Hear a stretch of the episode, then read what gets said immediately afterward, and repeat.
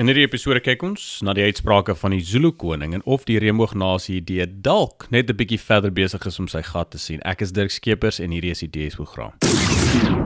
Ja, hierdie week sien ons toe iets interessant in die Zulu koning se toespraak waar hy waarsku teen die RSA regering se voorneme om land spesifieke grondgebiede wat deel vorm van die massiewe Inkonyama Trust te onteien sonder vergoeding. En verder verwys hy na die moontlikheid dat die Zulu nasie onafhanklikheid sal nastreef as daar verdere dreigemente van die Suid-Afrikaanse die Republiek se regering kom in terme van grondonteening in die Inkonyama Trust. Hy sê interessant genoeg Cyril Ramaphosa kan maar Suid-Afrika vat solank as hy net die Zulu nasie uitlos op hulle eie grond. Nou baie mense is met rede skrikkerig vir etniese nasionalisme. Die argument kan voorgehou word dat dit beide die wêreldoorloë as ook verskeie ander konflikte veroorsaak het. Nou sekere historiese sal voorhou dat dit dalk 'n oorvereenvoudiging is, maar die gevaar in ongebreidelde en leierlose jingoïsme is helder soos daglig. Tog is daar, net soos met baie ander goed in die lewe, 'n fyn balans wat gehandhaaf moet word. In hierdie spesifieke geval is dit tussen xenofobie aan die een kant en gesonde kulturele trots aan die ander kant. Maar nog iets wat onvallend was, was die hoeveelheid etniese Zulus wat aangeval is deur onder andere die EFF ondersteuners oor hierdie verdediging van wat hulle sien as hulle stam se grond. Veral op Twitter was die Zulus sleg gesê en gedreig en so rafel hierdie lagwekkende idee van die reënboognasie dalk net 'n bietjie verder uit. En die Zulus, selfs van die sogenaamde moderne Zulus, het vinnig hulle stam verdedig aanlyn. Byvoorbeeld iemand met die username Sipamandla het gesê: "AmaZulu is 'n nasie. Die ANC/EFF volgers moet besef dat Suid-Afrika nie 'n natuurlike land is nie, dat dit saam geforseer is deur die Britte. Ons sal doodgaan vir ons koning en Ingonyama Trust." 'n Ander persoon, byvoorbeeld Mokani onder die username Mokani, sê: "As die mense titelaktes kry, is die koning dan nie meer die koning nie?" Die antwoord is hy bly die koning. So hoekom wil hy nou beklei? Nou die tweede idee van titelaktes is 'n moderne, klassieke liberale idee wat die Zulu koning seker sal teenstaan want dan is die grond nie meer gemeenskaplike grond nie en is baie van sy mag en inkomste daarmee heen. Hier op die DS program is ons openlik ten gunste van persoonlike eienaarskap van grond en die idee van gemeenskaplike grond duis loodreg in teen vrye markbeginsels. Nou baie sal sê dit is 'n kulturele aspek. Nou of 'n monargie en sekere kulturele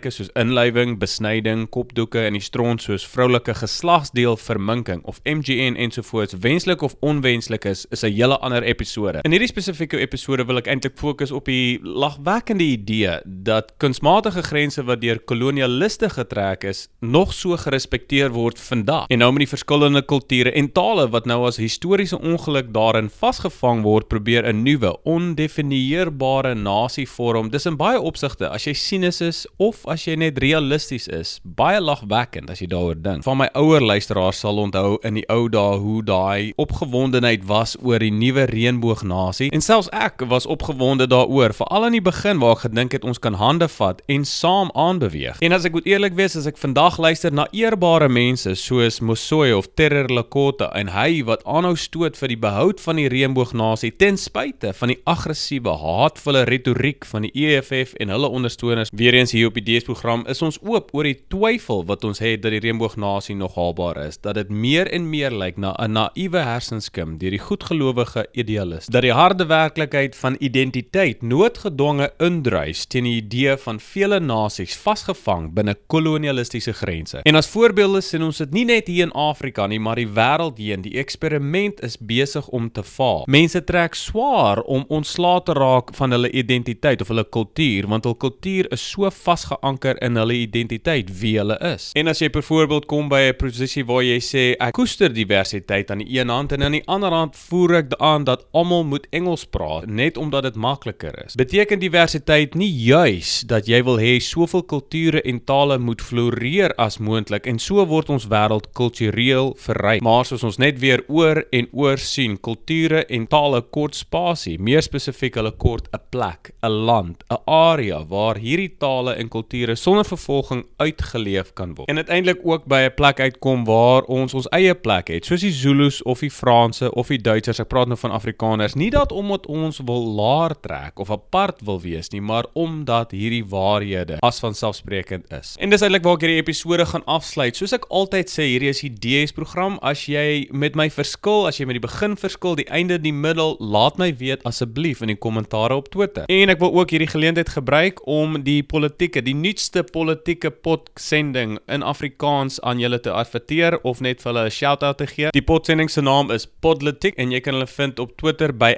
@podletik. Baie welkom manne en so groei hierdie beweging van die potsending met nog 'n aansluiting tot die Afrikaanse potsending gemeenskap. En as jy hou van wat ek hier probeer doen en as jy wil inteken, druk subscribe daar op jou foon. Ek is beskikbaar op SoundCloud, iTunes, enige plek waar jy jou potsendings luister. En soos altyd, tot 'n volgende keer, julle pragtige bliksems.